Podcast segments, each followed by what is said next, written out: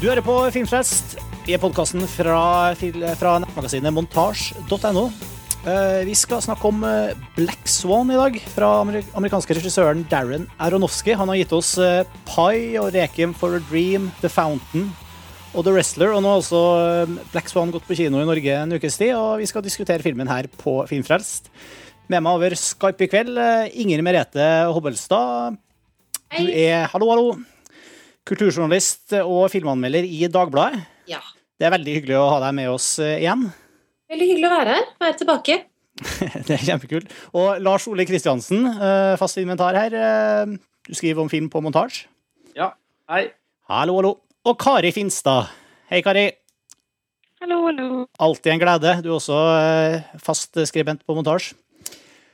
Og jeg heter Martin Sivertsen. Um, vi skal også prate om Black Swan, og vi kommer til å på en måte forutsette at uh, lytterne våre allerede har sett filmen. Da. Det er i hvert fall da du vil få mest ut av å høre på diskusjonen vår. Så um, vi skal ikke bruke uh, så mye tid på handlingsreferat og sånt i episoden her. Vi skal liksom diskutere filmen. Men uh, til tross for det så har jeg helt lyst til å bare spille traileren først, da, for å sette oss liksom i rette stemninga. I had the craziest dream last night about a girl who was turned into a swan. But her prince falls for the wrong girl and she kills herself. He promised to feature me more this season. Well, you should. You've been there long enough. And you're the most dedicated dancer in the company. Our new Swan Queen, the exquisite Nina Sayers. I'm Lily. You're gonna be amazing. Watch the way she moves. Sensual. She's not faking it. Seduce us! Attack it! Attack it! Come on! Where'd you get these? It's nothing. You sweet girl.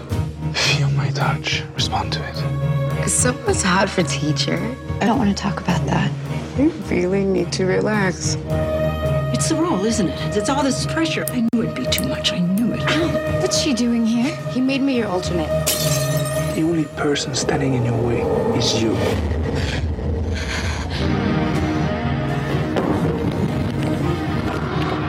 How do you know where I live? I have my ways. She's after me. Nobody's after you. Please believe me. Sweet girl. Sweet girl. What happened to my sweet girl? She's gone.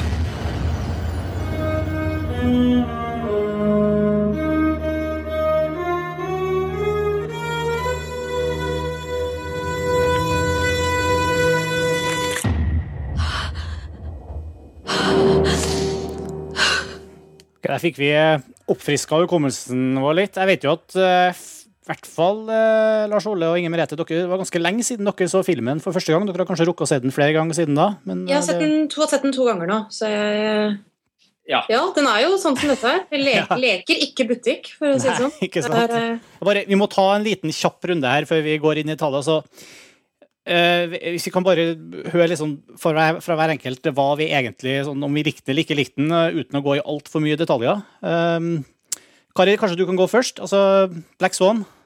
Din sånn oppsummerende Hvis man skal snakke om å like eller ikke like, så likte jeg Black Swan ekstremt hysterisk godt. Eh, selv om det jo også gjorde ganske vondt å se den. Det var faktisk sånn at når jeg kom ut av kinoen, så det kan jo Lars Ole si, så bare gikk jeg min vei. Jeg ville ikke snakke med noen, egentlig. Fordi den gjør et såpass eh, sterkt kroppslig inntrykk. Så det var min første reaksjon Mm. til sånn. Lars Ole, hvor, hvor står du? Ja, altså nå har jeg skrevet, allerede skrevet to artikler om den filmen her på montasje. Nå skal jeg faktisk for en gangs skyld fatte meg litt i korthet. Eh, men jeg syns jo dette Jeg har fått sett den to ganger nå. Og jeg kommer vel forhåpentligvis til å få sett den i hvert fall tre-fire ganger til på, på kino. Og jeg syns nok dette her Det er så vanskelig å si om det er det beste eller ikke. Det, det, det blir helt feil å si. Men eh, hvis, hvis man skal måle det i forhold til hvor godt man liker en film, så tror jeg nok dette er den amerikanske filmen jeg har likt best siden There Will Be Blood. Og det er jo snart Ja, det nærmer seg jo tre år siden. Um, så ja, nei, jeg liker den helt ekstremt godt. Jeg syns det er et, eh, et skikkelig, skikkelig, skikkelig mesterverk, faktisk. Et mesterverk. Der kom det. ja, virkelig. Og jeg, jeg, jeg lar det gå inflasjon i det uttrykket, for jeg er ikke så veldig, veldig redd for det. Men, eh, men dette her er vel en av de Hvis jeg hadde fått kniven på strupen, så hadde jeg fortsatt brukt det uttrykket. Altså, virkelig. En helt fantastisk film. Åh, det var jammen Inger Merete, din tur. Ja, det var jammen godt at jeg kom inn for å moderere litt her, tenker jeg. For jeg er nok ikke helt enig i dette her. Jeg syns slett ikke den er et mesterverk. Jeg syns for øvrig slett ikke The Will Be Blood eh, var et mesterverk eh, heller. Eh, Og jeg opplever i hvert fall Anderson som en grovt overvurdert regissør, men den eh, diskusjonen kan vi ta en annen gang. Eh, men jeg er ikke sånn helt negativ heller, fordi altså, det var litt interessant å lese mottakelsen av Black Swan etter at jeg hadde anmeldt den selv. Hvis du går inn på Metacritic og sånn selv så folk har ment. For det er jo mange som er helt i skyene, ikke sant? som syns det er et mesterverk, som syns den er fantastisk. Og så har du også en del samlinger bånd, altså bl.a. kritikeren to Time og The New Yorker, som skikkelig hater den. Altså med virkelig pasjon, altså. Og jeg merker at jeg forener litt de to. Jeg ligger nok, jeg syns nok det er en god film, altså. At det er en fascinerende film. Men jeg ligger litt sånn mellom de to, da, fordi det er veldig mye ved den filmen jeg syns er ekstremt fascinerende. altså Dels fantastisk, altså i måten den setter bare strukturer og materialer og sånn fysiske fornemmelser nesten opp mot hverandre, og portretteringen av ballettmiljøet og veldig mye som er veldig godt tenkt og godt formidlet der. Og så er den altså så pompøs og så selvhøytidelig og så tung og så seig at jeg får litt sånn, blir litt sånn i åndene den. Altså, dette er jo en film som egenhendig kan bringe kvinnelig hysteri tilbake som diagnose for øvrig. Den ligger jo i det stemningsleiet absolutt hele tiden. Og den er Den er så lite tvetydig. Jeg tror det er noe med det. Den, er, den gjør et veldig stort nummer ut av seg selv. Den oppfører seg som om den skulle være smartere enn den er. Og da blir jeg litt bøs. Derav ordet pretensiøs. Mm. Ja. Du, har rullet, en, en, en, du er eneste her som har rulla terning på filmen, og Ja. kommet til terningkast fire. Ja. Nettopp.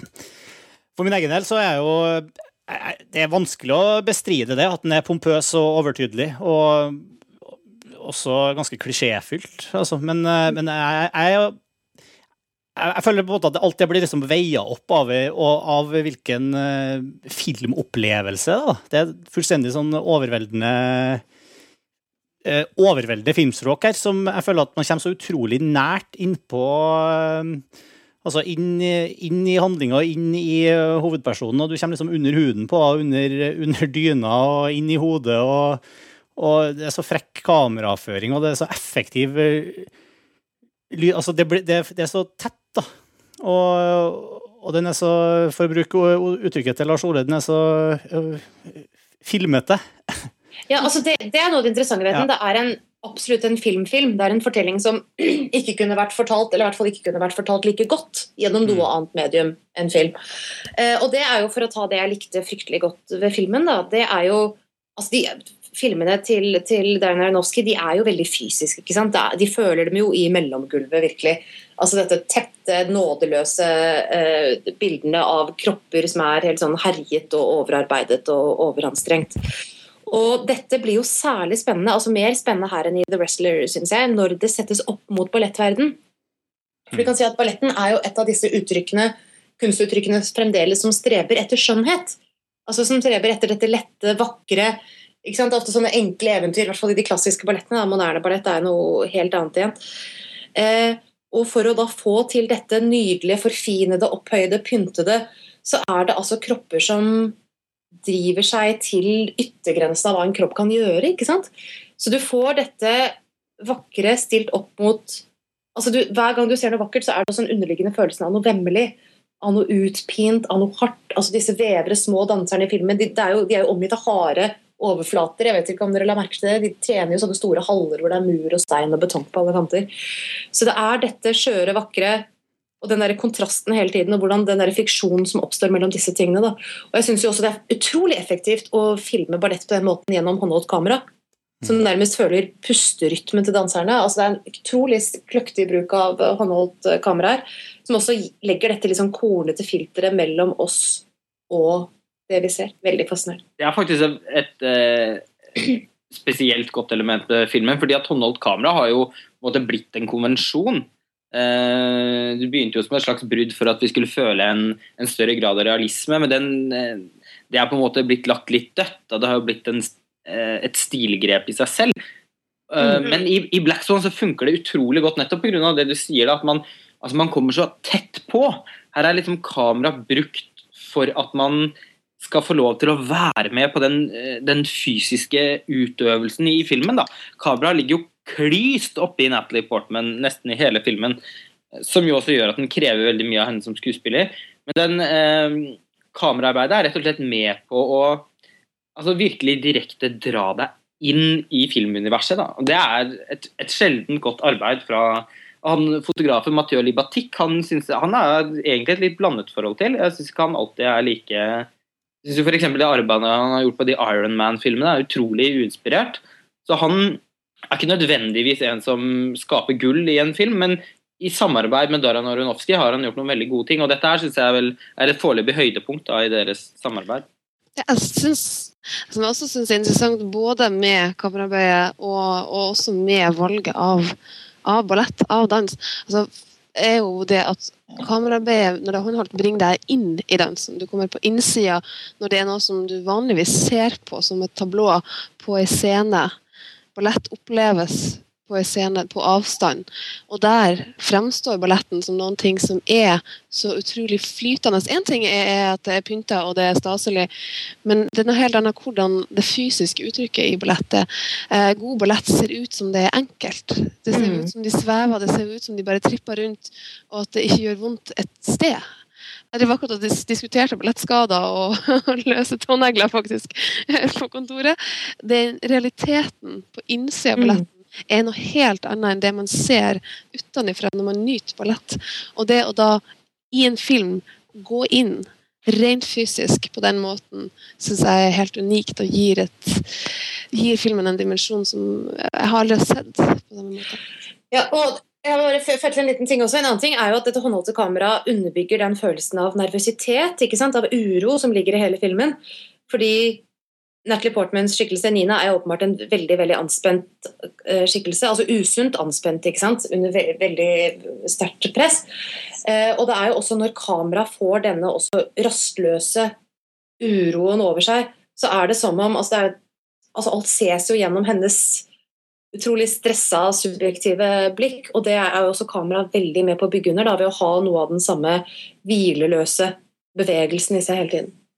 Man kan sånn på en måte si at kameraet blir litt en karakter i seg sjøl. At eh, et blikk som er til stede inne i det universet på en annen måte enn man ofte ser kamerabruk. Ja, det er, det er veldig ofte at man sier på en måte at kamera blir tilskuerens øye, men her, her blir det jo virkelig det da, på en, på en sterkere måte enn det man som oftest ser. Veldig Det, ja. det, det er også en slags sånn øyeåpner der, i hvert fall for meg, for, for, for liksom hvilke muligheter det kanskje ligger i, i film som, som formidler av, av det som, som du, du sier, Kari, at det, det er noe helt annet å være der oppe på scenen blant uh, danserne eller eh, på den slags skyld skuespillerne i en teaterforestilling eller hva som helst, uh, kontra det å sitte på salen med et sånt statisk over sånn wide angle-perspektiv hele greia. At, at, at hvilken liksom, hva, hva, hva man kunne la, filmatisert flere type teatralske forestillinger liksom med, det, med, med en skikkelig sånn, eh, sånn film, filmblikk. da, Velregissert, velcinematografert. Det Altså, da må jeg bare skyte inn litt at På en måte ja og på en måte nei. Altså, det er en Ja. veldig interessant opplevelse å få komme så tett på det, men du må huske at ballett er laget for å ses fra publikum. Altså, enig. Bevegelsene, linjene i kroppen, alt er laget for at det skal se slik og sånn ut fra det perspektivet 20 meter borte. Så det er en opplevelse som du ikke umiddelbart kan altså Du kan si at Det som gjør at Black Zone blir så interessant sånn, er jo den psykologiske effekten av det. ikke sant? Det å komme så tett på det. Men selve koreografien vil jo ikke kunne la seg overføre. altså. Ja, det er jo ingenting galt med å nyte dans. Eh, Det er jo et kunstuttrykk i seg sjøl. Ja, jeg er også helt, helt enig. Altså, det er ikke noe tvil om at dans skal oppleves på litt avstand. Det er på en måte hele vitsen. Og noe av- noe av spenningen her ligger jo akkurat som Inger Merete sier, at man kommer litt bak kulissene på en måte. da. Eh, også når de er på scenen, så får man liksom eh, et så nært blikk at man føler at man er med danserne. Men det er jo også gjort et par eller ikke et par, det har jeg gjort mange ganger, men det er gjort noen virkelig vellykkede forsøk på å lage film ut av forestillinger. Ingmar Bergman har bl.a.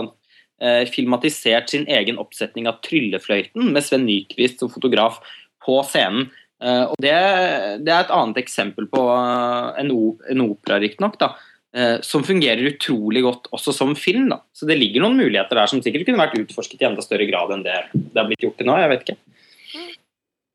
Mm. Eh, Lars Ole, du har skrevet en artikkel som heter 'Det, det indre tuk, tukter det ytre' hos Aronowski. Og eh, du var inne på her tidligere at det er veldig lett å se paralleller mellom de problemene som, som rollefiguren til Mickey Rourke sliter med i The Wrestler, og det eh, Natalie Portman sin figur sliter med i, i Black Swan. Men, men, uh, men, hvis vi skal se litt på sånn overhengende tematikk, liksom, hvordan, henger liksom, Black Swan sammen med, med den øvrige filmografien til, til Aronofsky? Ja, jeg vil jo si at han egentlig har hatt det, det har ikke vært, alltid vært like lett å se underveis hvor han vil hen. Uh, I hvert fall ikke når The Fountain kom, som, som i hvert fall var et, et, et, brudd med de to første filmene hans. Men etter hvert som man har kunnet se dem uh, i samme altså, altså, For hver film han har laget, da, uh, så har det blitt tydeligere hva han har jobbet mot. Og jeg syns det blir mer og mer åpenbart hvor interessert Darren Aronofsky er i forholdet mellom sinn og kropp. da. Alle filmene hans, til dels minus The Fountain, den har liksom et eh, Den har også elementer av det, men den har på en måte et så merkelig og egenarta prosjekt at jeg føler for å på en måte sette den litt til siden i den, den diskusjonen. Den handler jo veldig om for, for, forgjengelighet og Ja, mm. og, og der har du zen-buddhismen i bildet. Altså, den, den jo det handler jo i aller høyeste grad om, om, om, sinn og kropp også, men uh, kanskje på en mye mye mindre direkte og uh, hva skal jeg si, lettangripelig måte. Ja, fordi den er så mystisk, da. Den, og den eh, er jo altså Den er nesten ikke bare mystisk, den er nærmest mytologisk i måten den fortellingen er presentert på. Så den, den også, Det finnes noen paralleller der, og helt klart, men men jeg syns de andre fire filmene hans har et tydeligere slektskap. da. Og uh, Pi handler om en matematiker som, er, som, som, går inn i en sånn psykotisk tilværelse hvor han til slutt hvor han uh, hele tiden straffer sin egen kropp med å proppe i seg piller, skyte i seg sprøyter og til slutt kjøre en drill inn i tinningen sin. Uh, Reckon for a Dream. Opplagt har vi jo uh, Sarah Goldfarb i Ellen Bursins skikkelse som som knasker slankepiller for å komme inn i en rød kjole uh, når hun tror hun blir invitert til å stille opp på et, uh, på et gameshow. Uh, og The Wrestler selvfølgelig med, med Ram the Man Ra Nei, Randy the Ram. Som Jake the Snake. Ja, ja. Som, som, jo lever av å tukte seg selv, da, og som også da har, har indre problemer som han på en måte får gjort fysisk håndgripelig ved å tre ut i denne fryktelige wrestling-ringen. Og, og, spesielt Wrestler blir jo en tydelig parallell til eh, Black Swan, fordi begge handler jo om, på en måte, om kunstnere på hver sin side av på en måte, det kulturelle hierarkiet. Eh, som som, som eh, blir satt til Som setter sin egen kropp til skue. da og som, som får eh, som, som, både har kanskje psykiske problemer fra før av, men som, hvor de problemene forsterkes nettopp av, av det de gjør, da. Uh, altså, det er, det er jo, uh, De to filmene er jo veldig tydelig beslektet rent sånn motivmessig. The Wrestler og Black Swan. Uh, men altså, det er jo kjødets forgjengelighet som vi har vært inne på tidligere, er jo et gjennomgangstema her. Og jeg synes det er interessant at Black Swan på en måte vender litt tilbake til Requiem for a Dream i dette litt sånn hallusinerende som kommer inn. da. At det blir også et liksom, formeksperiment. At uh, det blir en mer krevende form, rundt, mer symbolsk form rundt den samme tematikken. Og dette spørsmålet med hva som er, virkelig, hva som er uh, virkelighet og hva som er fantasi. Uh, selvfølgelig som man også må klare å holde fra hverandre da, som tilskuer. Og det gjør jo at man må konsentrere seg litt mer, og da er det jo litt mer men, spennende. Men, altså, det, men det er litt, litt, grunn til Black Swan. Altså, litt for Ja, ja. Unnskyld, hva sa du? Nei, altså er det mulig For at man, veldig tidlig i filmen så blir man jo på en måte oppmerksom på at det her er en veldig sånn subjektiv uh, fortelling. Da. Vi har en, uh, en Selv om det ikke er noen fortellers, uh, fortellerstemme, så har vi på en måte en fortellerstemme som vi ikke kan stole på. For vi, vi vet Altså, det, veldig ty tidlig så ble det klart at vi kan ikke stole på det vi ser, liksom. At, Altså, han eh, signaliserer jo det allerede når Nina på en måte møter en sortkledd variant av seg selv på T-banen. Altså bare Der er det jo tydelig at hun ser, ser noe som ikke er der.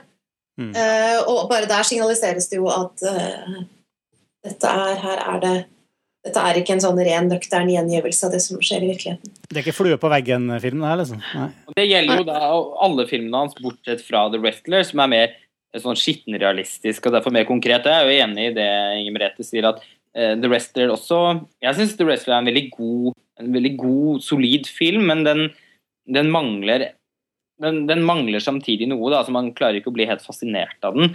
Uh, og, og sånn sett så blir jo Black Swan et slags møtepunkt mellom Reckon for a Dream og The Wrestler. Mm. Fordi, uh, det, og, og derfor også syns jeg han er veldig uh, Uavhengig av hva man syns om filmen, eh, så syns jeg den, det er, veld, er veldig tydelig at dette er et foreløpig hovedverk da, for Darren Aronofsky. Et veldig oppsummeringsverk så langt i karrieren hans. Ja, det er nettopp det som er litt av Unnskyld, unnskyld beklager. Ja, by all means. Du har en kommentar til det, så Ja, jeg skal bare si akkurat det, at For meg er det nettopp kanskje det som er litt problemet. da, at dette er, Jeg syns jo Black Swan er på sitt beste om man ser den som en underholdningsfilm, som en thriller. Altså Med en gang skal se den som et slags storverk eh, med store eksistensielle dimensjoner, så blir det lettvint, altså, syns jeg. Og ta, ta disse hovedpersonene hans. altså Det er jo fys fysikaliteten deres som liksom er slående, men verken Jared Leto i Reckon for Dream eller Mickey Rourke eller Natalie Portman er jo noe, de er ikke noe særlig dype skikkelser. De, det er ikke noe sånn voldsomme reiser de gjør. De er ikke, altså Alt det vi har snakket om nå, ja, de er enspora, de presser kroppen sin så hardt, det er kroppen som liksom ødelegges, og de pisker kroppen sin til å ødelegge seg selv. Det er jo det er ikke skrekkelig mye mer enn det, da. Så vidt jeg kan se. Og det, det lar jo skuespillerne jobbe veldig mye med ekstreme uttrykk. De får vært veldig sånn opp og ned, og så det er veldig flott å se på dem i arbeid. Men spesielt minneverdige er de ikke, etter min mening. Ja, det er jo Eh, Ja, nei, Kari først. Ja, jeg har sett, Av og til så tenker jeg at det er jo eh, de små historiene i stor form som av og til er nok. Eh, og jeg syns kanskje særlig den fysiske selvtuktinga, bare den historia eh, i, i Black Swan er nok for meg, egentlig.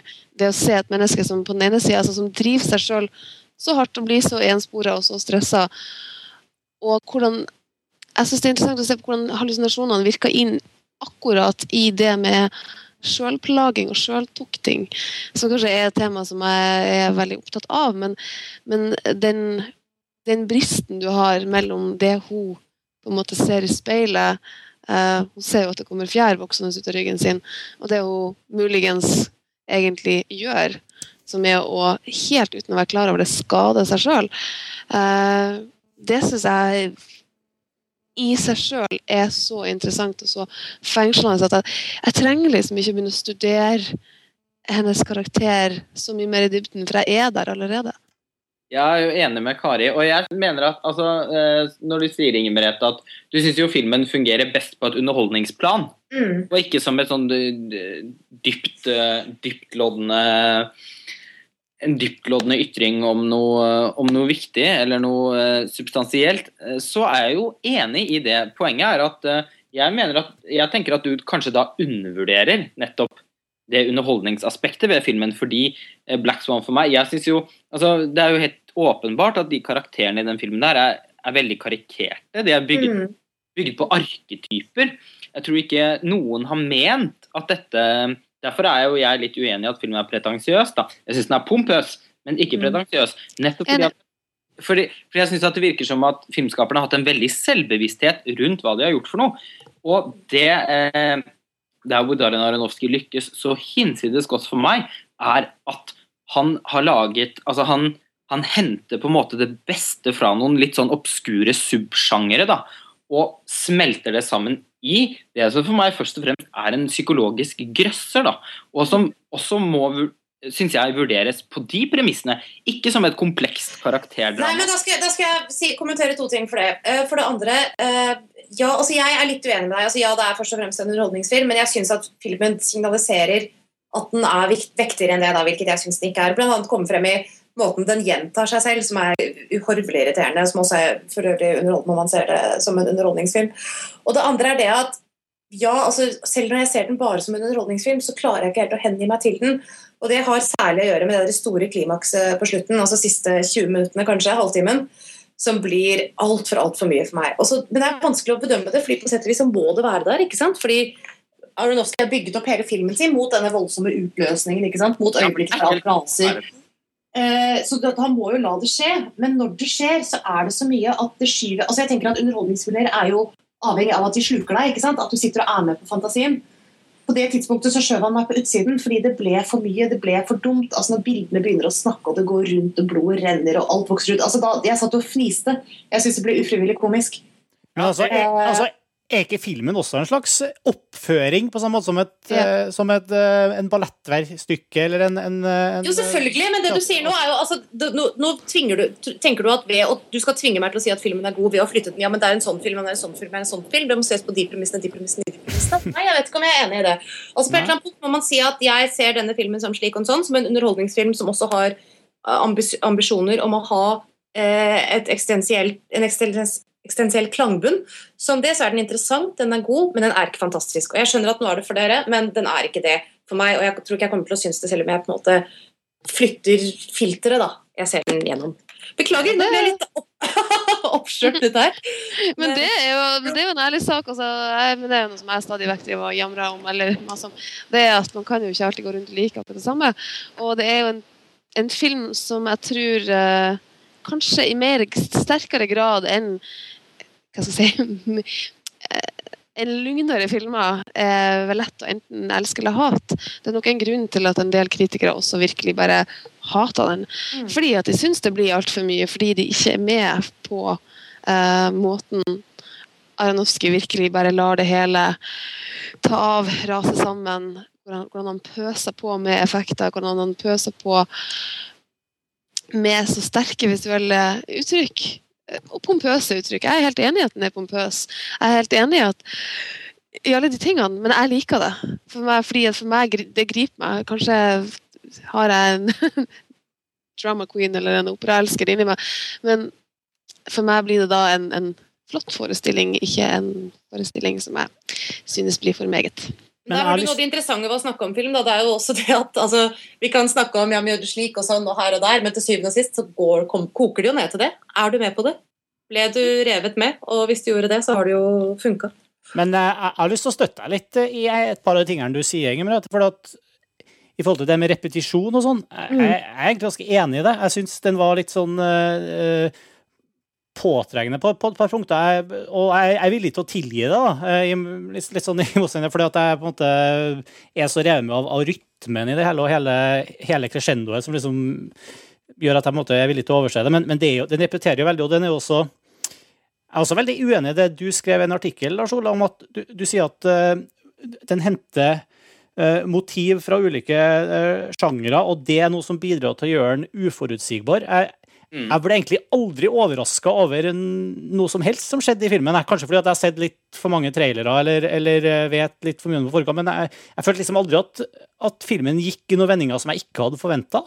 Men, men det var på en måte Det er litt på samme måte som når du går til et eh, og det der mener jeg med oppføring. altså Når du går til et teaterstykke som du på en måte vet plottsynopsiset på på forhånd, eller til en uh, danseoppføring, så har det ikke så mye om si om, om den ikke om den ikke liksom eh, overrasker seg så mye med, med, med handlingsforløpet. Men, men, men akkurat der er jeg veldig enig med, med deg, Merete, at, at den, eh, den var verken, for meg i hvert fall verken uh, uh, uforutsigbar over, eller, uh, og, og samtidig ganske påtrengende med, med å liksom trykke det ned i halsen på meg.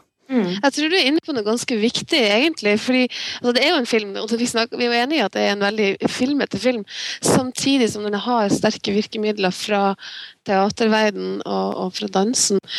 Og der kan man også gå inn på hvordan karakterene utmales og behandles, og i det hele tatt dybden i karakterene. fordi at jeg synes den har en del felles- med og Nå må dere bare stoppe meg hvis dere syns jeg tar for store ord i min munn. Både med Ibsenske karakterskildringer og med om du vil, en, en, altså, Shakespeare på den måten at Fordi Shakespeare, der kjenner man jo fortellingen fra begynnelse til slutt. Man vet at det er en tragedie man går og ser, og den har enkelte komiske si, elementer underveis, og det syns jeg faktisk Black Swan har også. Du har liksom de her små pustehullene. Um, ikke nødvendigvis ved at dialogen er morsom, eller at det skjer noe spesielt morsomt, men med at du på en måte kan sitte og på den ene sida føle med og være med i tragedien som er i ferd med å utspille seg, samtidig som du sitter og fniser litt av det.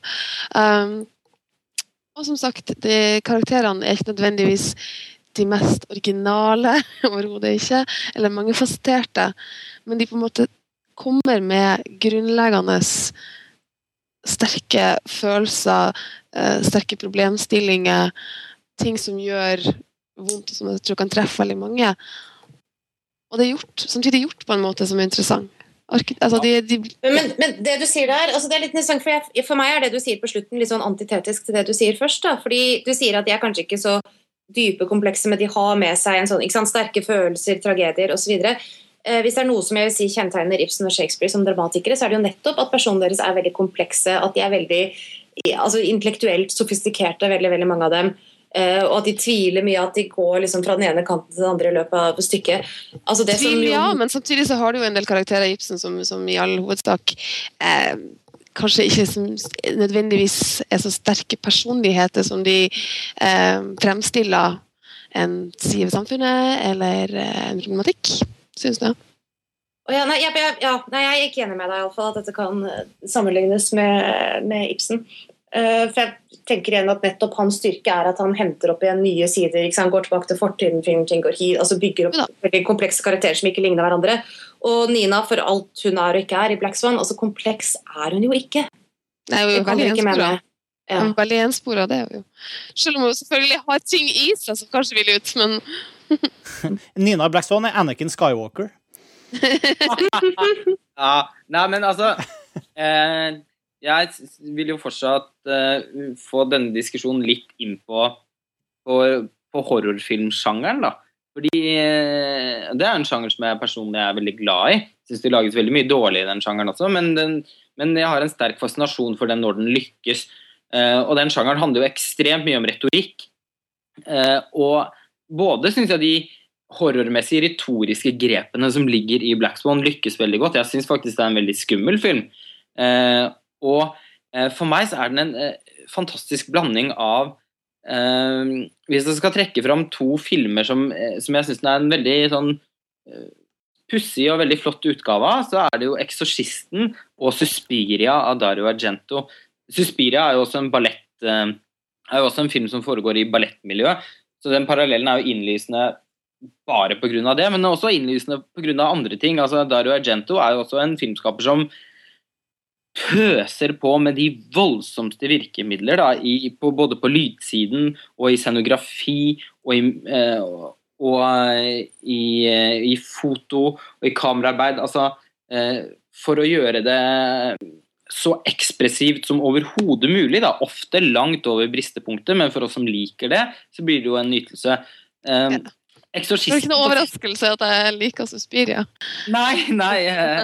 Eh, eh, Eksorsisten eh, på sin side er en veldig sober fortelling fortalt på en veldig sober måte, men med en oppriktig menneskelig dramatisk konflikt, som jo også handler om forholdet mellom en mor og en datter som sakte, men sikkert blir syk. Og jeg synes at selv om Darren Aronofsky tråkker lengre inn i Suspiria ved å være så voldsom som han er med virkemiddelbruken sin, så syns jeg likevel han beholder, han beholder et visst menneskelig aspekt i fortellingen sin, som er sjeldent for, for horrorfilmen. Da. Den, eh, man kan jo godt si at, og jeg er jo enig i det, jeg syns heller ikke disse karakterene er så fryktelig komplekse, men eh, de er veldig emosjonelt gripende, da, syns jeg. Jeg syns jo eh, man blir oppriktig engasjert i, i Nina. Eh, og, og, og også engasjert i de bikarakterene rundt henne. For min del jeg fryda, fryda meg grenseløst over eh, Barbara Hershey sin morsskikkelse, f.eks. Eh, karikert ut av helvete. Eh, Hun minner jo om, om Piper Laurie Carrie, en veldig opplagt parallell også. Eh, men, men, men jeg syns at Darren Aronofsky han turnerer det med en sånn veldig finurlig balansegang. Da. Han er hele tiden på grensen til å være latterlig. Og jeg, det, hvor høyt jeg måtte elske denne filmen, så har jeg også forståelse for at den er litt take it or leave it. Jeg kan Mm. ikke helt forstå at det er en dårlig film, fordi eh, til det så er det altfor mange åpenbare kvaliteter der, syns jeg. Eh, så det syns jeg nesten blir litt uinteressant å diskutere. Men eh, hvis man begynner på, på en måte at det er veldig mye bra der, og så bygger seg oppover eller litt nedover, så kan jeg veldig godt skjønne at man også kan ta avstand til noen av de grepene han gjør. Det, det har jeg ikke noe problem med å forstå. Det er ikke en eh, film som eh, legger opp til at alle skal være enige om den, men det syns jeg igjen er en kvalitet med, med filmen. Den kunne vært eh, den kunne utspilt seg på en mye tryggere måte. Det Aronofsky gjør som jeg blir veldig begeistret for, er at han hele tiden river opp og forstyrrer sin egen visjon. Da. Han krongler det veldig til, han, eh, men med en, en nesten eh, ballettkoreografi. Da jeg syns det er eh, et, et, en, en pytt i panne av en hel masse virkemidler og følelser og, og ting som jeg syns han klarer å, å rote sammen til en forbausende Altså, jobb. Om jeg kan supplere litt eh, til det du sier, da. Jeg kan gi Black et veldig stort kompliment, og det er at den er en film det er mye å si om. Eh, Altså, det er en film man kan ha lange samtaler om, og det er jo virkelig ikke alltid. Altså, ofte så er man jo, kan man jo bli utsnakket om sjangerfilmer ganske fort, men her er det jo nettopp pga. tettheten i symboler og den der veldig spesielle visuelle teknikken hans veldig mye å ta tak i. Og så har jeg lyst til å bare si litt om det du sa om, eh, om eh, grøssersjangeren.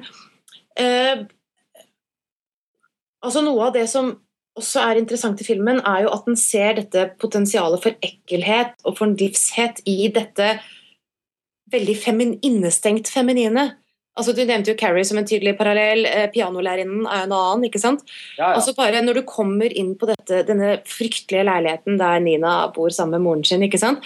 og det er og det er så ungpikete at det er helt fryktelig. ikke sant? Det er lyserosa, og det er sateng og blonder og kosedyr. Og ting som hører til en yngre jente. Og ja, heldigvis på et punkt så gjør det, jo, gjør det jo det. Men det er bare noe med hvor lett han da etablerer disse uskyldige jentete tingene som du med en gang får en sånn følelse av usunnhet i kroppen. ikke sant? For det er så tydelig at her er det et eller annet som er som det ikke skal være. Så den uhyggen etableres jo gjennom dette litt sånn søtt feminine helt umiddelbart og på en veldig frapperende måte. Der må jeg komme med en fantastisk parallell til eh, siste Harry Potter-filmen. Oi, oi. Oi. Fordi noe av det ekleste og skumleste mennesket som har dukka opp i eh, Harry Potter, er jo professor Umbridge og hennes eh, pastellrosa pusekatt-tallerkener, sånne porselensting som henger rundt på veggene og mjauer, og alt er veldig rosa og sånn. Ja, Det er kanskje egentlig en ny, burde bli en ny subsjanger snart innenfor horrorfilm. ja den, den infantile sadismen. Nei, men, Ja, men, men jeg er veldig ja. Det er også en av tingene som Nå, nå er vi ferdig med barna. Nå har vi skjønt at søte barn er skumle. Nå er det på tide å gå til litt sånn middelaldrende damer med nåleputer og Ja. Ja. Litt sånn broderihorror. Ja. Eh, Broderihorror er en interessant Ja. sjanger. Altså, kan flå ofrene sine og liksom brodere lårene inn i rosebroderiene sine. Så du, her, ser jeg, her ser jeg store muligheter. Dette var nesten, nesten et nytt begrep. Broderihorror. Det skal jeg glemme. Nei, men altså, det er jo som, eh, som du sa, Mirette, vi har jo sett, oss der, vi har jo sett eh, The Shining og Exorcisten og The Omen, så vi vet jo at små, små barn kan være helt jævlige. Eh, eller i hvert fall jævlig skumle. Eh, men eh, en av de tingene som har interessert meg mest med Black Swan nå, er jo nettopp dette altså den, det fryktelige infantile universet da, som, som befinner seg på innsiden av den øh, grusomme leiligheten eh, til Nina og hennes mor. Eh, det, det pikerommet da, som på en måte moren hele tiden forsøker å barrikadere henne inn i, som om hun har angst for at hun skal få noe som helst kontakt med omverdenen, fordi at Nina da er dømt til å måtte Altså, hun er dømt til å Til å måtte Altså, moren gjorde jo et, et offer i sin Hun forteller om det på et, i filmen, at hun selv gjorde et offer i sin ungdom da hun var på vei, hadde sin ballettkarriere, så ofret hun jo den for å få Nina, da. Sier hun i hvert fall. Sier hun i hvert fall. 28!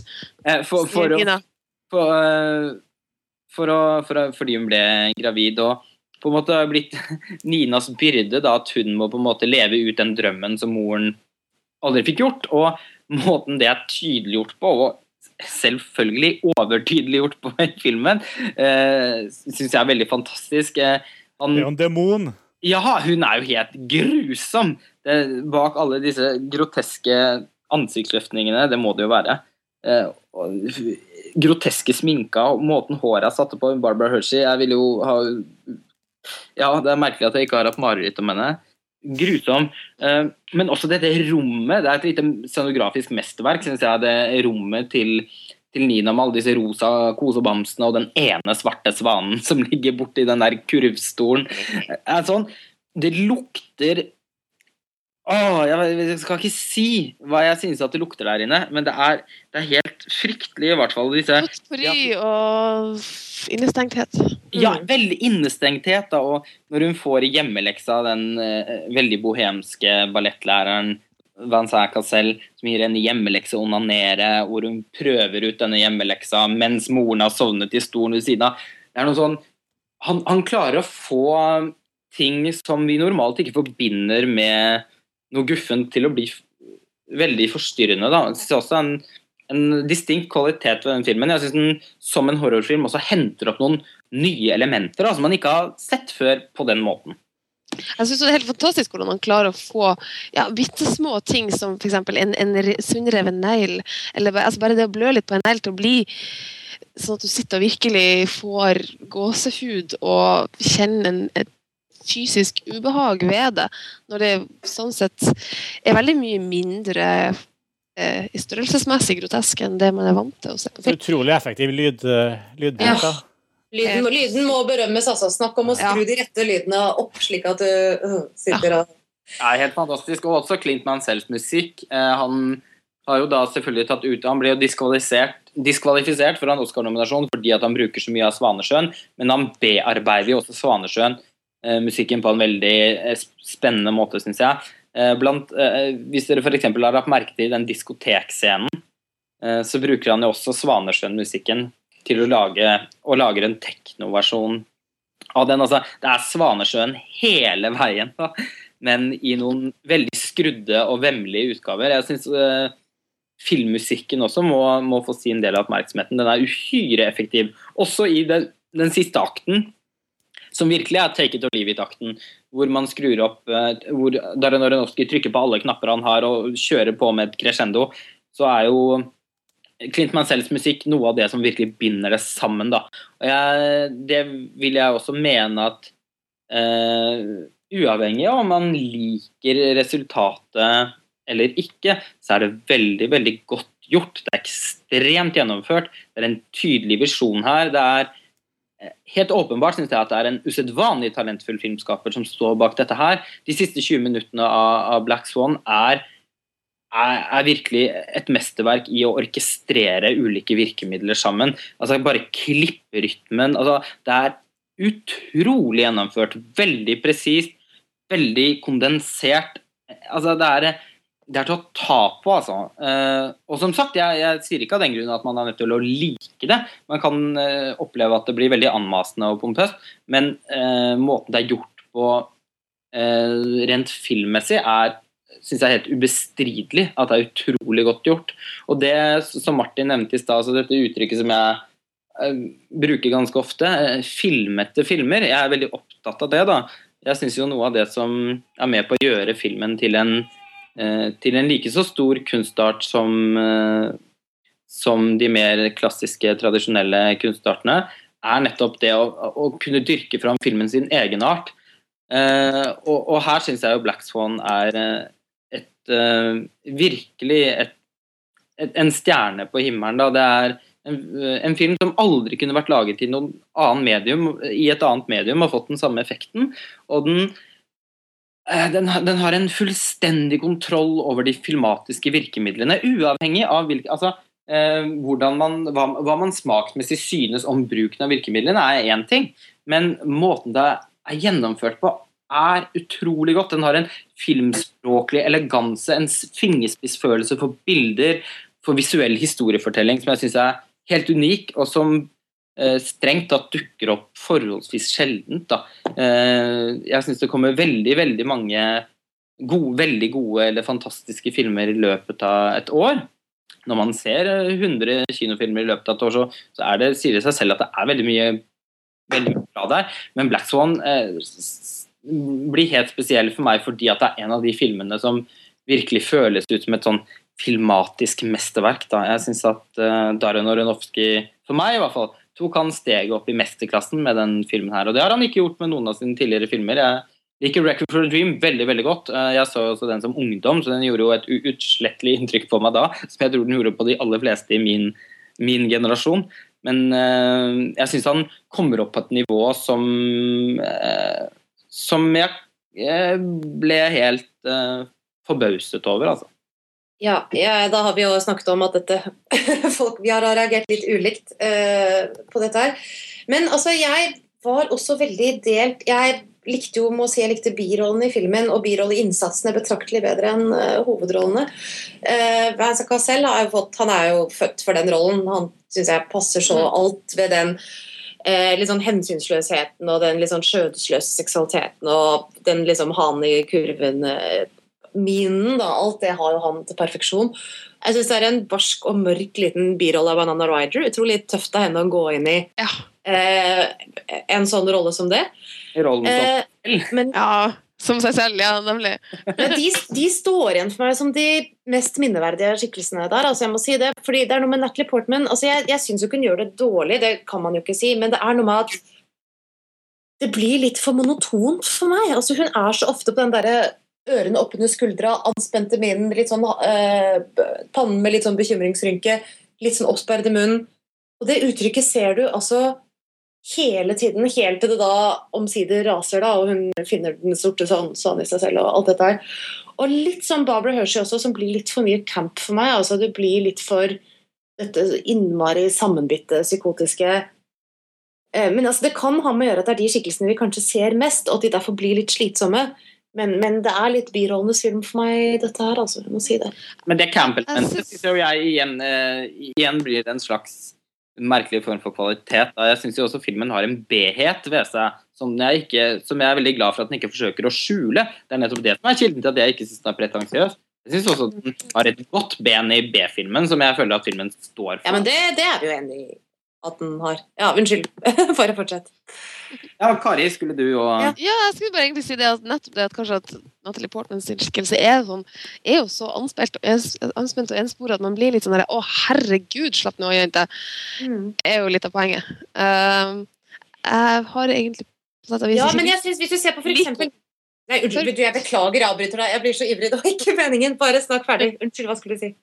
Nei, det var bare at det, det, det, poenget er ikke nødvendigvis å like henne. Jeg synes snarere tvert imot Hadde hun plutselig gått gjennom en slags hero's journey der hun hadde blitt et nytt og forandra menneske og lært en masse og fått masse visdom og blitt en bedre utgave av seg sjøl, så hadde filmen falt nei, kjære deg, det er ikke det jeg etterlyser. Å nei, gud, da ville den jo vært grusom. Ja, helt Eh, forferdelig. ja, ja, ja. Nei, jeg snakker bare om at jeg syns det er andre roller, andre skuespillere, som ikke er sympatiske, eller er det, men som du, hvor du er innenfor de relativt trange rammene som er Ja, de er interessante fordi de er der i små, med, mindre doser, kanskje. Ja. Ja, altså, ja, altså en, altså nå er det litt Det blir litt sånn å sammenligne epler og colaflasker, altså, for det er jo to så forskjellige filmer. Men du kan jo bare ta en som Leslie Manville i Another Year, for eksempel. Altså, hvor det også er en rolle som er liksom inne i samme modus ganske mye av. Altså, hun kommer jo ikke til noen sånn voldsomme innsikter, hun heller, selv om det er en sånn prosess der. Men jeg, det er noe som gjør at jeg blir ikke lei av å se på henne. da. Jeg blir litt lei av Natalie Portman. Ja, Leslie, jeg, jeg synes jo øh, Jeg liker godt Mike Lee, og jeg likte veldig godt Leslie Manville sin prestasjon i Another Year. Det sto en glitrende film, og en, en strålende hovedrolle av henne, eller birolle egentlig, av henne.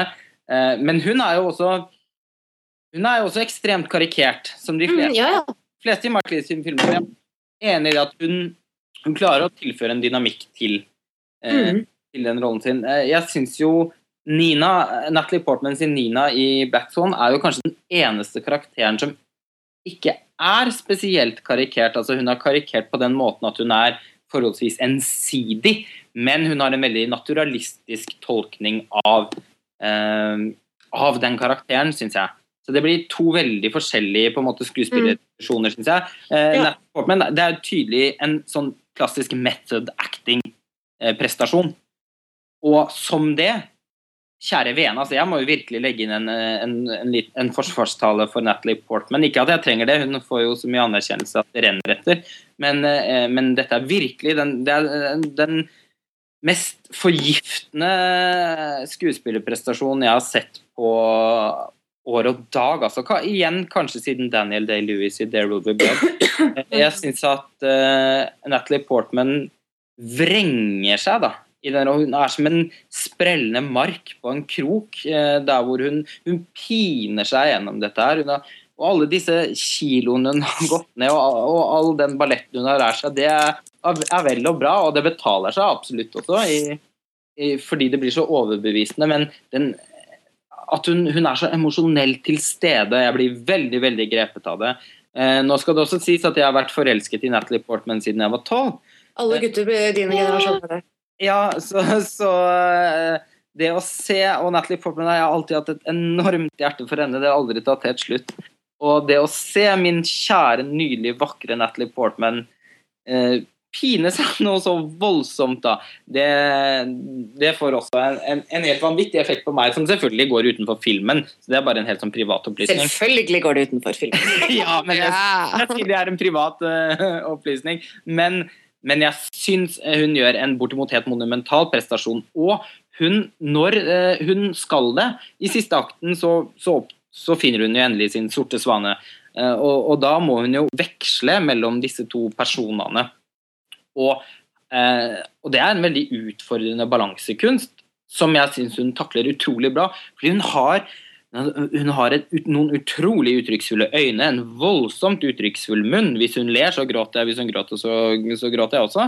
Så, eh, og måten hun både viser seg som eh, en, Hun blir på en måte en engel med en sort og en hvit vinge da, i, i siste akten av den filmen der, som, eh, som jeg syns er helt besnærende, altså. Huff, jeg, jeg den, det, er ikke en, det er i hvert fall den skuespillerprestasjonen jeg har gått mest rundt og jeg har gått rundt og tenkt mest på, på så lenge jeg kan huske. Altså. Det tror jeg har noe med at du er en heterofil gutt også, skal jeg være helt ærlig ut fra hva du sier nå. Fordi eh, ikke noe, ikke, Men ikke noe vondt om henne. Altså, hun gjør ikke, noe, gjør ikke noe feil i det hele tatt, og hun klarer seg bra gjennom dansescenen. og- Så det er ikke noe men altså, det er noe rollen for meg er da litt for enstonig, da, som sagt. Det er noe med måten Jeg jeg har skrevet på også, kanskje like mye som Ja, det var kanskje der jeg Jeg er enig i at den er enestående, men jeg syns ikke den er for enestående. Jeg syns det er, liksom sagt, er litt av poenget. Det å på en måte bli litt stilt til veggs med den, altså det at hun er så jævla enspora at du på den ene sida sitter med to følelser, på den ene sida har du lyst til å ja, vekk det og, og Ja, men, nå, ja, men nå, da, blander, da tror jeg du misforstår meg litt, for jeg sa ikke ensporet, jeg sa enstonig. Altså Ensporet kan man godt være. Det er Sherlock er kjære, litt av poenget er også at hun er enstonig. Det at du, måte, du, du får det der samme uttrykket gang etter gang etter gang. Det løsner jo ikke. Mm. Jeg er stuck, ikke sant? Og det er det jeg også mener. Enstonig, altså, hun er enstonig i sin ensporethet, og det er viktig i filmen. Det er faktisk viktig å bli litt lei. Det er viktig å bli litt forbanna på Nina som karakter og tenke 'å, herregud', liksom. Og se den samme rynka komme gang på gang. Fordi at hun sitter jo fast. Og det, og det der er på en kjenner at jeg både, som sagt, både blir sint på, men også har hjertet og jeg har vondt av det mennesket jeg ser foran meg. Og det er det som gjør at filmen treffer. Jeg fikk veldig vondt av Mickey Rourke på akkurat den måten du beskriver nå. Det er litt interessant, for bare måten du sa sliter og sliter og kommer seg ikke noe sted. For jeg var jo, jeg synes jo som sagt dette er en mer ambisiøs og interessant film enn The Wrestler, men jeg satt veldig og følte for Mickey Rourke uh, på slutten av The Wrestler, da, som for alt jeg vet har noe med å gjøre at jeg er en heterofil kvinne, og så Mickey Rourke i glansdagene på back in the day. Prøver å speide, Ja, ja. prøvde å speide fortvilt etter noen spor av det. Jeg synes, ja, de er jo nesten Han hadde kanskje forfalt noe mer. ja, han noe mer enn. Selv om jeg syns ikke at Natalie Portman var spesielt sexy i den filmen heller. Fordi at, Nei, ingen, ingen, ja. Nei, ingen av dem er jo det. Og det, det er jo litt interessant, for de er jo i det ytre fremdeles. Altså Rourke, hm, tja, vet ikke hva man skal si. Men de er jo fremdeles i det ytre pene mennesker, hvor det er et aspekt som du bare ikke tenker på. Det er jo ganske interessant, fordi du blir så fanget av den eh, Altså det er så åpenbart et annet trekk som er dominerende, da. Det er det. sånn Men, men jeg skulle bare si at Mickey Rourke nådde meg sånn emosjonelt på en måte som Portman ikke helt eh, gjorde det, da. Med en rolle som ligner litt. Grann. Men Inger Merete, du har jo trukket fram eh, i artikkelen din kjønnsrollene her. Som, altså, du, du skriver at, uh, at, at det er noe av det mest interessante ved Black Swan. Altså det, det katteklorende og utrygge miljøet som oppstår når det er for mange kvinner og for få menn. Ja, det var jo en side av det som jeg også syntes var fascinerende. Da. Altså det, hvordan eh, Vincent Cassel er jo altså Det er jo noen av disse andre danserne som glir rundt i bakgrunnen, men han er jo mannen med stor M. altså Han er jo den som representerer sex i rommet. Uh, og alle de andre er kvinner i kvinnemiljøer. Og det at altså bare sånne små ting som bare hvem han berører når han klapper dem på skulderen og du tror det er de som er utvalgt. ikke sant? De, se de blikkene de sender ham da. Altså hvordan det der hivingen for hans gunst, da, som de er avhengig av selvfølgelig profesjonelt, men, men, hvor det også selvfølgelig er en seksuell side av det for ja, gudene vet hvor, hvor mange. Eh, og det Altså dette sexutsultede kvinnelige da, Mm. som ligger der. Dette litt sånn frigide, dels ufrivillig frigide, det er um, og, og det er jo noe som, også når jeg nevnte at filmen ikke er tvetydig, det er jo faktisk én ting som jeg syns de er ganske gode på å la ulme gjennom, da. Mange steder i filmen, og som gir den en sånn ekstra liten nerve. Og som man ikke ser så ofte tatt opp på film. Nei, absolutt. Og det er fordi også at eh, Som jeg skriver i den eh, artikkelen som jeg skrev eh, i dag om Black Swan, at jeg syns det er et veldig heldig Rett og slett eh, rett ut veldig intelligent grep av Darren Aronofsky. At han låner inn elementer av, fra den erotiske thrilleren, som er en ekstremt utskjelt sjanger som jeg er veldig glad i. Men han tør å på en måte legge et sånt uh, ferniss over filmen som, som lukter av en sånn uh, innestengt seksualitet, kroppslighet, som, uh, som, som blir en veldig det, det bidrar til å skape den forstyrrelsen da, som gjør at filmen er så dirrende eh, hele tiden. Eh, Det er et av de, et av de absolutt eh, største kvalitetene med filmen, syns jeg, er at den forholder, i så stor grad forholder seg til det kjønnslige. Da.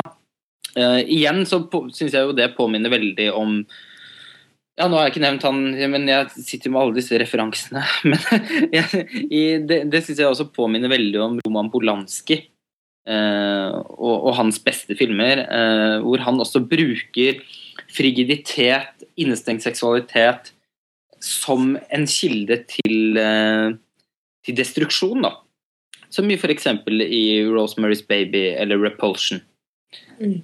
Eh, Repulsion er jo en opplagt referanse til Black Swan, som også Darren Aronofsky selv har, har sagt at han, eh, at han har blitt veldig inspirert av. Det morsomme syns jeg også, hvis man, når man trekker Polanski-parallellen, hvor innlysende den enn måtte være, så syns jeg det også er spennende å se på eh, Man blir jo lett eh, man jo, eh, Når man ser gammelfilm, så blir man Man aksepterer jo ofte mer, da. Eh, fordi at man eh, Altså, de elementene som måtte finnes av overtydelighet, eller at ting er karikert osv., svelger man ofte litt enklere når det er gammelfilm. Mens man blir veldig kritisk til det eh, når man ser samtidig film. Og, og i så måte Black Swan er jo den, har, den deler jo den, den ligner jo veldig mye på, de Roma, på Roman Polanski sine filmer, men sånn som de var på 60-tallet. og det er jo et element som jeg personlig syns er ekstra flott med den filmen. Eh, Men det er klart at går man tilbake til Rosemary's Baby og, og Repulsion, så er jo de akkurat like karikerte og akkurat like overtydelige. Akkurat like enstonede eh, som det Black Swan er. Eh, igjen så tror jeg det koker ned veldig til et, eh, et spørsmål om, om smak og preferanser, altså. For dette her er, man, er man litt sånn horrorfilmfantast, så tror jeg virkelig dette her eh, er ganske ufeilbarlig.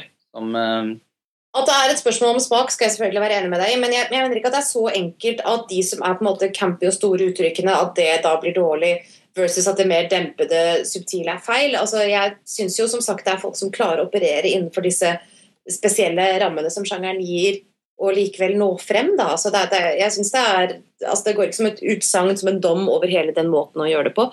Jeg syns f.eks. Rosemary's Baby holder seg fint innenfor eh, altså, Jeg syns ikke den blir for tung i sessen da, på den måten jeg syns noe av spillet eller rollene også kan godt hende mye av dette ligger i manus også, som jeg reagerte på i Black Swan.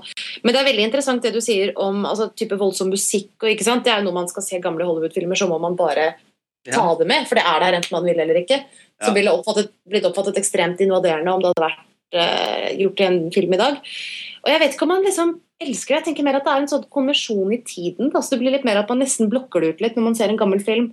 For det blir liksom litt urettferdig å dømme filmen for det også, fordi den er laget i en tid der dette åpenbart var slik man gjorde. Jeg vet ikke, Men det er interessant altså, hvordan man, hva man eventuelt aksepterer eller ser gjennom fingrene med fordi filmen ble laget på 50-tallet og ikke Ja, for, og jeg tror det er et uh, viktig element i på en måte mottagelsen av Black Swan. Det er jo jevnt over en film som har blitt fått veldig veldig, veldig sterk mottagelse. Uh, så konsensus er jo at dette er en veldig veldig god film. Men, men likevel, som du, som du refererte til Metacritic i stad, så har vi også disse virkelig bunnsjiktene i mottagelsen av Black Swan. Mm. Uh, dette er jo ikke en sånn film som The Social Network eller The King's Speech, som kommer snart, som alle på en måte Å, herregud, dette er bare helt fantastisk. Eh, den er jo Nei, det, nå, nå tar du feil igjen. Altså, The King's Speech også er en ganske middlebrow underholdningsfilm. Altså, det er, men den er en veldig solid film innenfor sin sjanger. Men den og Social Network er jo ekstremt forskjellige filmer. Ja, Eh. jeg, tenker, jeg tenker ikke på filmen i seg selv. Jeg har ikke sett The King's Speech ennå. Jeg bare tenker på den kritikermottagelsen, og da i USA, ettersom de ikke har hatt kritikermottakelse her. eh, Jo, jo, Social Network har det, og den fikk veldig jevne kritikker. Det var ingen som mislikte den filmen. Eh, og jeg syns det er en fantastisk bra film. Men, eh, men eh, Black Swan A Hvis man liksom setter sammen en sånn slags klump av anerkjente filmer fra den såkalte Oscarsesongen som vi er inne i nå, så er, jo, er det liten tvil om at Black Swan er den mest polariserende filmen. da. Mm, det tror jeg kommer Ja. Og det tror jeg har noe å gjøre med nettopp det eh, vi diskuterte nå i stad, med at den eh, at den liksom Den har noen elementer i seg som som er litt vanskelig å svelge per, per 2011. Rett og Ja, det, og den krever altså på en måte Ja, den, den, den, ehm, den, krever, den er modig. Den krever kanskje at uh, den har publikum på sin side, da.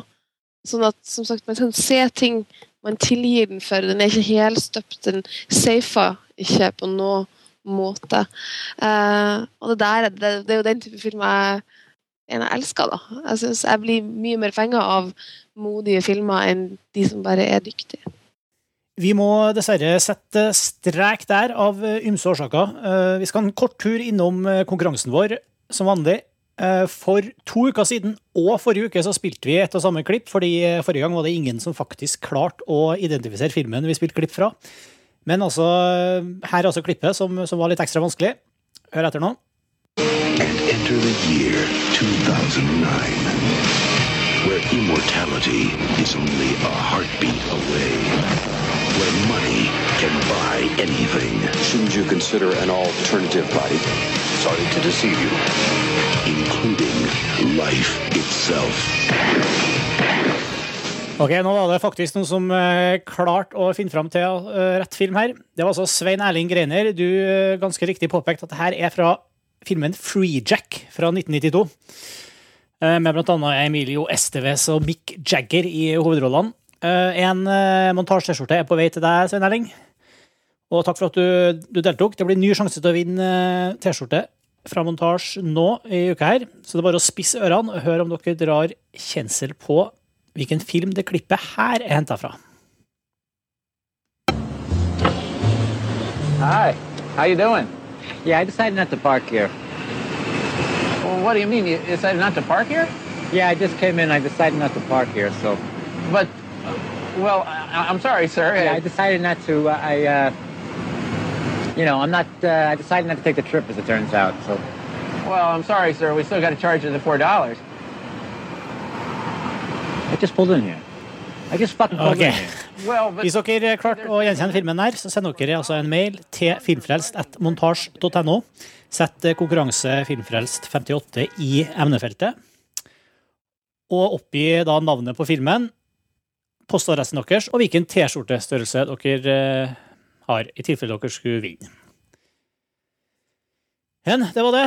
Eh, Jeg må si tusen takk eh, til alle som var med her og for å prate om Black Swan. Det har vært eh, kjempebra. Utrolig spennende og at dere kunne være med og prate om filmen her, og særlig deg, Inger Merete, som, som ikke alltid som, Det er andre gang du er med oss nå. Det var veldig hyggelig igjen. Jo, selv takk. Hyggelig å, hyggelig å være her. Og, og takk til Kari og, og Lars Ole. Takk, takk. Filmfrelst er snart tilbake. Uh, I mellomtida, uh, musikken du hører nå, som er kjenningsmelodien vår, er fra det norske bandet Ping. Hør mer på thepingpage.com. Vi snakkes. Hei, snakkes.